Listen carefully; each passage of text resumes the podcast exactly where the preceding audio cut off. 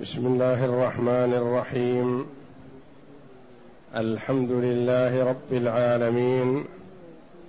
والصلاة والسلام على نبينا محمد وعلى آله وصحبه أجمعين. وبعد. بسم الله. أعوذ بالله من الشيطان الرجيم. ثلة من الأولين وقليل من الآخرين على سرر موضونة متكئين عليها متقابلين يطوف عليهم ولدان مخلدون بأكواب وأباريق وكأس من معين لا يصدعون عنها ولا ينزفون. هذه الآيات الكريمة من سورة الواقعة. جاءت بعد قوله جل وعلا والسابقون السابقون أولئك المقربون في جنات النعيم. ثلة من الأولين وقليل من الآخرين على سرر موضونة. الآيات. لما ذكر جل وعلا شيئا من أحوال القيامة وأخبر أنها واقعة لا محالة وأنها ترفع أقواما كانوا خاملين في الدنيا وتخفض أقواما كانوا مرتفعين في الدنيا. وبين جل وعلا أن الناس ينقسمون إلى ثلاثة أقسام.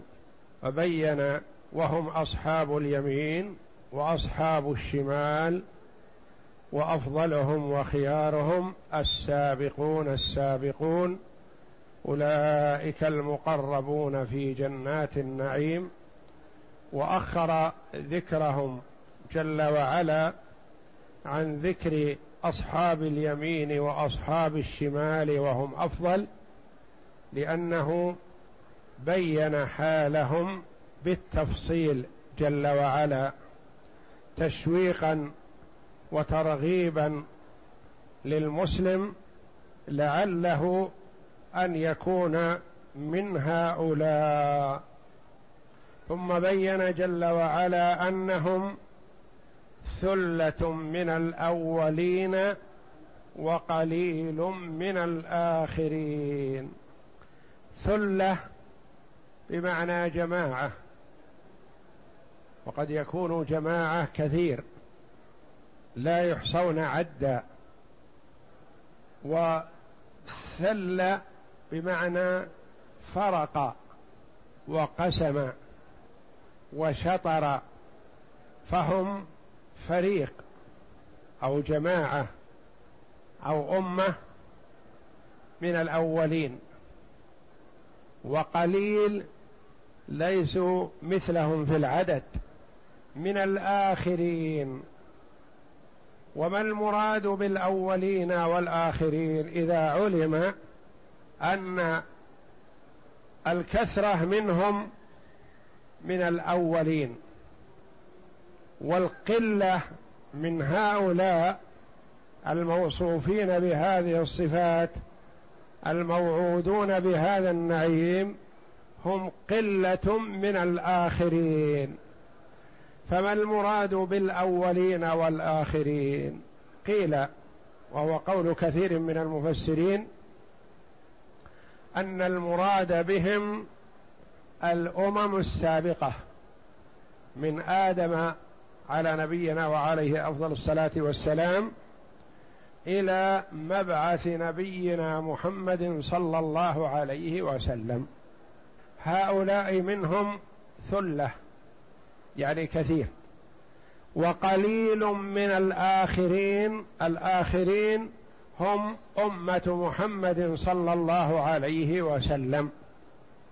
فقد يقول قائل أما عرفنا وعلمنا أن أمة محمد صلى الله عليه وسلم أفضل الأمم ونبيهم عليه الصلاة والسلام أفضل الرسل فكيف كان الكثرة للسابقين من الأمم السابقة والقلة من أمة محمد صلى الله عليه وسلم.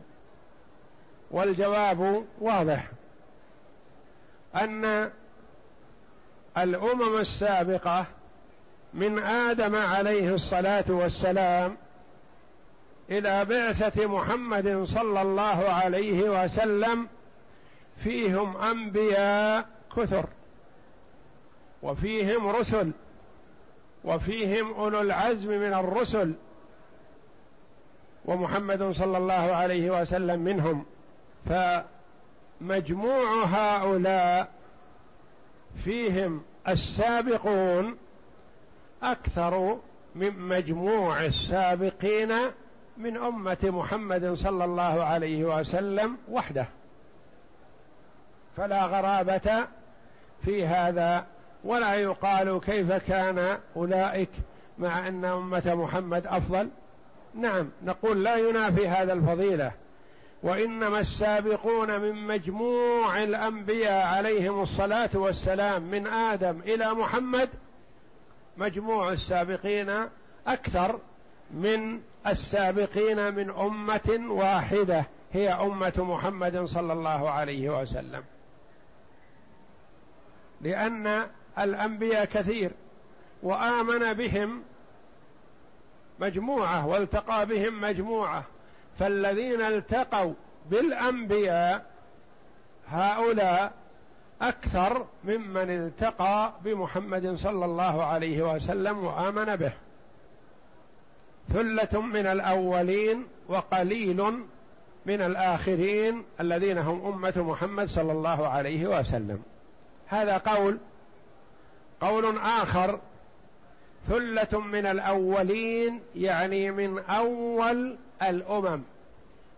من أول الأمم الذين التقوا بالأنبياء صلوات الله وسلامه عليهم أجمعين.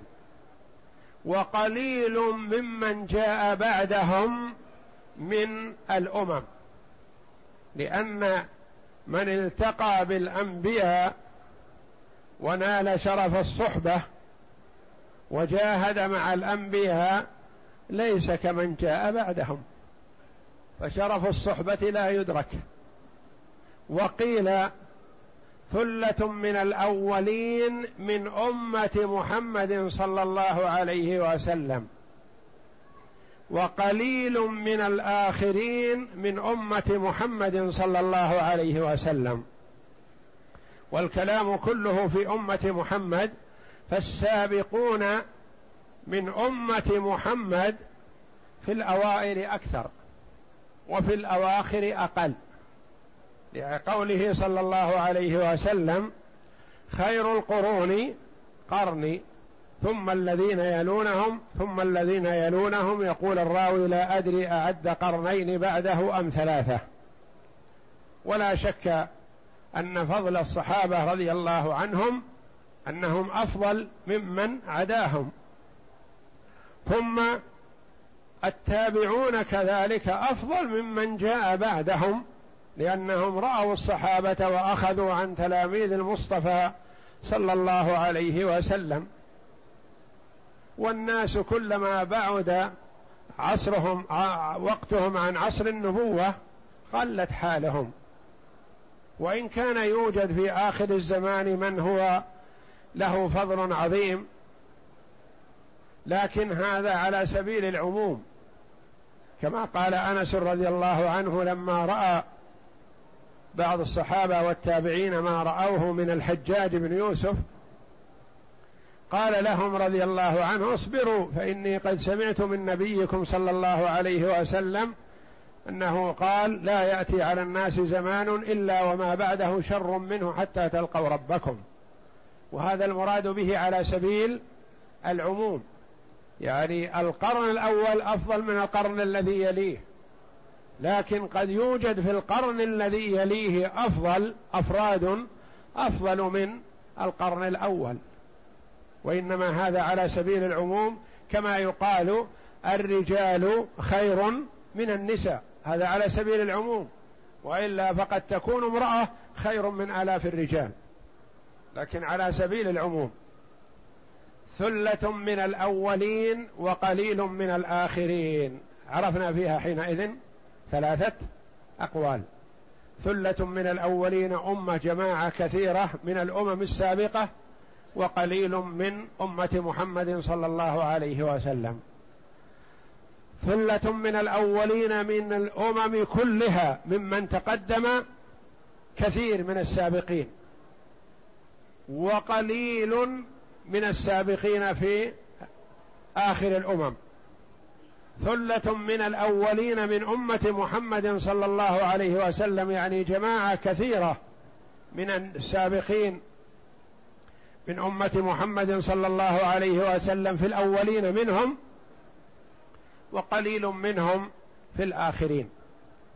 والنبي صلى الله عليه وسلم وعد الصحابة رضي الله عنهم قال إني لأرجو أن تكونوا ربع أهل الجنة ثلث أهل الجنة شطر أهل الجنة يعني نصف الجنة لأمة محمد صلى الله عليه وسلم. وقال في حديث آخر تكون شطر أهل الجنة وتقاسمونهم في الشطر الآخر. يعني يكون لكم أكثر من النصف من نصف الجنة. يعني لكم نصف وحدكم وتشاطرونهم وتقاسمونهم النصف الآخر. وهذا دليل على أن من يدخل الجنة من أمة محمد صلى الله عليه وسلم أكثر هم أكثر من الأمم كلها والحمد لله. جعلنا الله وإياكم منهم. قد يقول قائل كيف كانوا أكثر من نصف أهل الجنة؟ والله جل وعلا يقول ثلة من الأولين وقليل من الآخرين. نقول هذا في حق من؟ في حق السابقين. السابقون السابقون أولئك المقربون في جنات النعيم. قد يكون الأفاضل من أمة محمد صلى الله عليه وسلم دون في العدد من الأفاضل من سائر الأمم. لكن أصحاب اليمين من أمة محمد صلى الله عليه وسلم أكثر من سائر الأمم. على سرر موضونة. وصفهم جل وعلا هؤلاء السابقون السابقون أولئك المقربون في جنات النعيم. وبين من أيهم من أي الخلق كانوا؟ قال على سرر موضونة. على سرر. سرر فيها قراءتان بضم السين والراء الأولى. سرر لأن الراء الثانية تكون على حسب الإعراب. هي لام الكلمة. سرر. القراءة الثانية بفتح الراء. سرر. وهي جمع سرير. وهو الذي يقعد ويجلس عليه. على سرر موضونة. موضونة يعني محلات منضودة منظومة بسبائك وسلاسل الذهب والفضة وغيرها من أنواع الحلي. وقيل هي المنسوجة حلقتين حلقتين بالذهب والفضة أو بالجواهر. أي منسوجة بقضبان الذهب يعني بأعواد الذهب. يقال وضن الشيء يضنه فهو موضون ووضين ثني بعضه على بعض وضاعفه. يعني من قوته أن بعضه مضاعف ليس على بت واحد أو درجة واحدة. وإنما مضاعف تقوية له وتجميلا. وقيل الموضونة بمعنى المصفوفة والمعنى مستقرين على سرر متكئين عليها. تقدم لنا ان أن الاتكاء هو جلوس المرء على صفة الراحة والاطمئنان. لا يكون حفز ولا يكون على بعض جسمه متهيئ للقيام وإنما هو متكئ بمعنى مستريح بمعنى أنه أخذ راحته الكاملة في الجلوس. قال الكلبي طول كل سرير ثلاثمائة ذراع فإذا أراد العبد أن يجلس عليه تواضع وانخفض له. فإذا جلس ارتفع يتواطأ يتطأطأ الكرسي حتى يجلس عليه المؤمن في الجنة. فإذا جلس عليه وأراده أن يرتفع ارتفع له إلى ثلاثمائة ذراع. متقابلين المتقابلون هم متقابلة وجوههم. يعني لا ينظر بعضهم إلى قفا بعض. وهذا من حسن مجالسة بعضهم لبعض وحسن خلقهم مع بعض أن بعضهم لا ينظر إلى قفا بعض. والمراد بهؤلاء هم أصحاب الجنة فيما بينهم أو الرجل مع أهله وزوجتيه وزوجاته أنهم يجلسون متقابلين. يقول وصفوا بحسن العشرة وتهذيب الأخلاق وصفاء المودة. وقال مجاهد وغيره هذا في المؤمن وزوجته وأهله.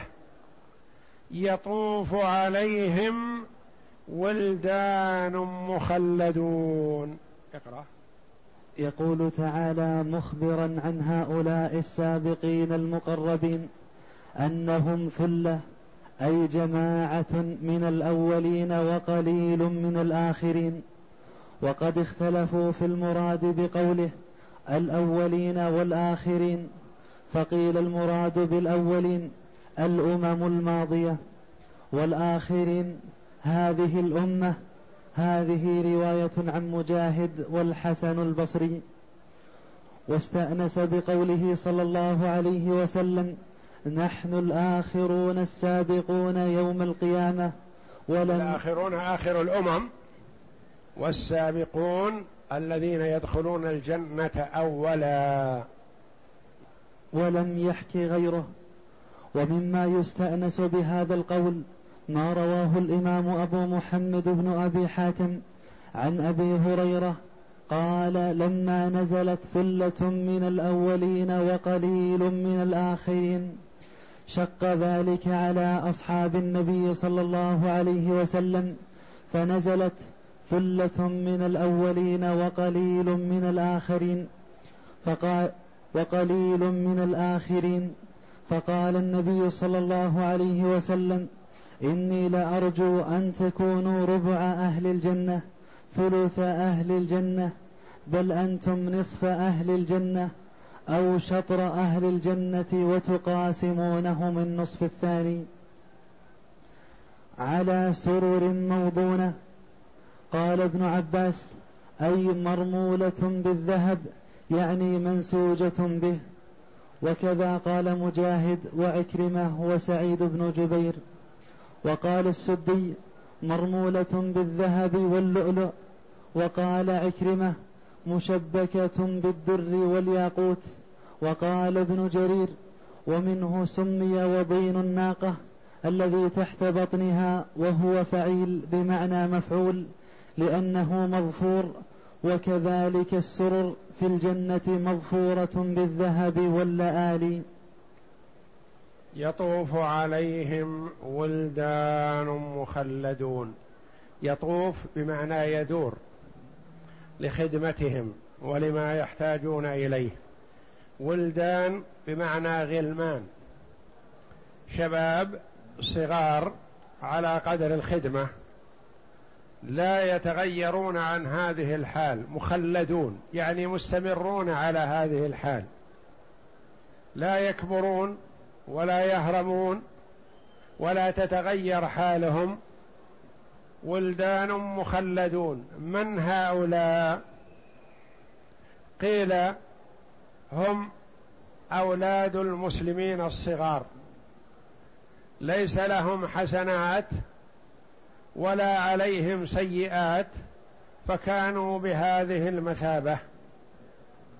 قول آخر أنهم أولاد الكفار. لم يلحقوا بآبائهم في الكفر وليس لهم حسنات ينعم يكونون يستحقون الثواب وإنما كانوا بمثابة خدم لأهل الجنة. وقيل إن هؤلاء ولدان خلقوا في الجنة كما خلقت الحور العين في الجنة. فلم يكونوا من أولاد الدنيا وإنما قيل ولدان وهم لم يولدوا وإنما خلقوا لأنها جرت العادة أن يقال لمن في هذه السن ولد. يطوف عليهم ولدان مخلدون المخلد هو المستمر على حالته. لا يكبر ولا يهرم ولا يموت بل هو مستمر على هذه السن. وقيل مخلدون مخلد هم عليهم الزينة والحلي والقرط في الآذان. يعني مخلدون محلون عليهم الحلي في آذانهم فيقال الرجل خلد جاريته. بمعنى ألبسها القرط القرط في الإذن يطوف عليهم ولدان مخلدون بماذا؟ بأكواب وأباريق وكأس من معين. بأكواب الأكواب هي الكؤوس التي ليس لها عرى فهي الأقداح المستديرة. الأفواه التي لا آذان لها ولا عرى وقد مضى ذكرها في سورة الزخرف. والأباريق هي ذات العرى المقاضب التي فيها مقضب وفيها خراطيم يعني تصب من الخرطوم. واحدها إبريق وهو الذي يبرق لونه من صفائه ويرى باطنها كما يرى ظاهرها. وكأس. إناء. وهو الإناء الذي فيه الخمر. فلا يقال له كأس إلا إذا كان مملوء بالخمر. وإلا إذا كان خاليا يقال له كوب. وكأس. وكوب وإناء. فإذا كان مليء بالخمر يقال له كأس. وكأس من معين يعني كأس إناء مملوء من خمر معين يعني مستمر لا ينفد ولا ينقطع ولا يتغير وهو من عين معين يعني جارية يستمر. وليس هذا من صنع الأيدي أو الذي باشرته الأيدي بالعصر أو نحو ذلك وإنما هو عين جارية معين يعني لا تتغير بنقص. لا يصدعون عنها ولا ينزفون. لا يصدعون عنها يعني لا يصيبهم الصداع بسببها. نفى الله جل وعلا عن خمر الجنة كل آفة من خمر الدنيا لأن خمر الدنيا مملوءة بالآفات فيها الصداع وفيها ذهاب العقل وفيها كثرة القيء وفيها كثرة التبول فهي فيها آفات عظيمة وفوق هذا وكله هي أم الخبائث وهي ضارة بالبدن والعقل. ونفى الله جل وعلا كل آفة في خمر الدنيا نفاها عن خمر الجنة. فقال لا يصدعون عنها يعني لا يصيبهم الصداع بسببها والصداع معروف هو الوجع الذي يكون في الرأس. ولا ينزفون لا تذهب عقولهم.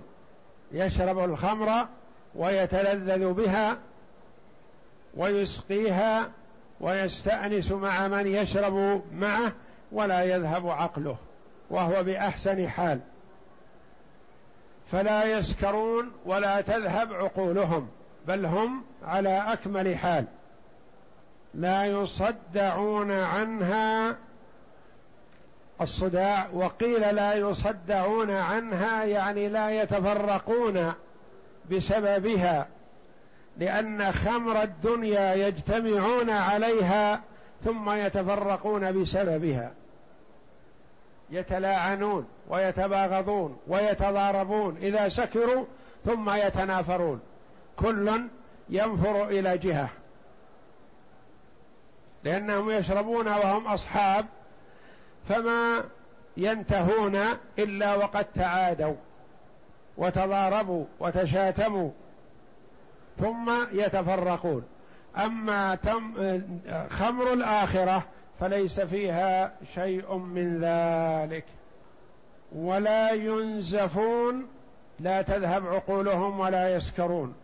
قرئ بكسر الزاي ولا ولا ينزفون. بكسر الزاي وبفتحها ولا ينزفون وهما أي القراءتان سبعيتان يعني من القراءات السبع.